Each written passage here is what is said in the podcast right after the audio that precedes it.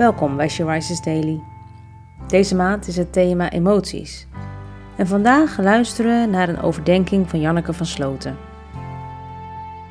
We lezen uit de Bijbel op Psalm 3, vers 3 en 4. Velen zeggen van mijn ziel, hij heeft geen hel bij God. U echte Heere bent een schild voor mij, mijn eer. U heft mijn hoofd omhoog. We leven niet meer in een tijd zoals David, toen hij vluchtte voor zijn zoon Absalom en er veel vijanden waren. Ondanks dat we in een andere tijd leven, kun je nog steeds op de vlucht zijn. Op de vlucht voor angst, verdriet, pijn.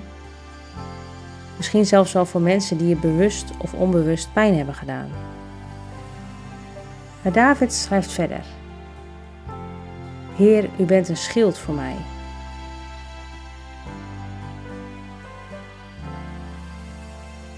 Laten we samen bidden.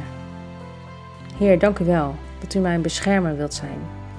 Dat u bij mij wil zijn, juist in mijn angst, verdriet en pijn.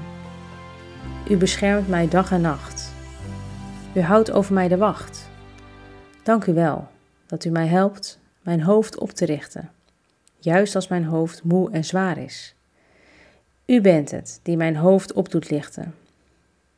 Dank u wel dat ik door u mag kijken naar omhoog en mag uitzien naar verder dan de regenboog.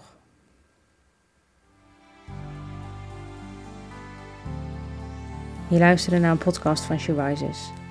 She Rises is een platform dat vrouwen wil bemoedigen en inspireren in hun relatie met God.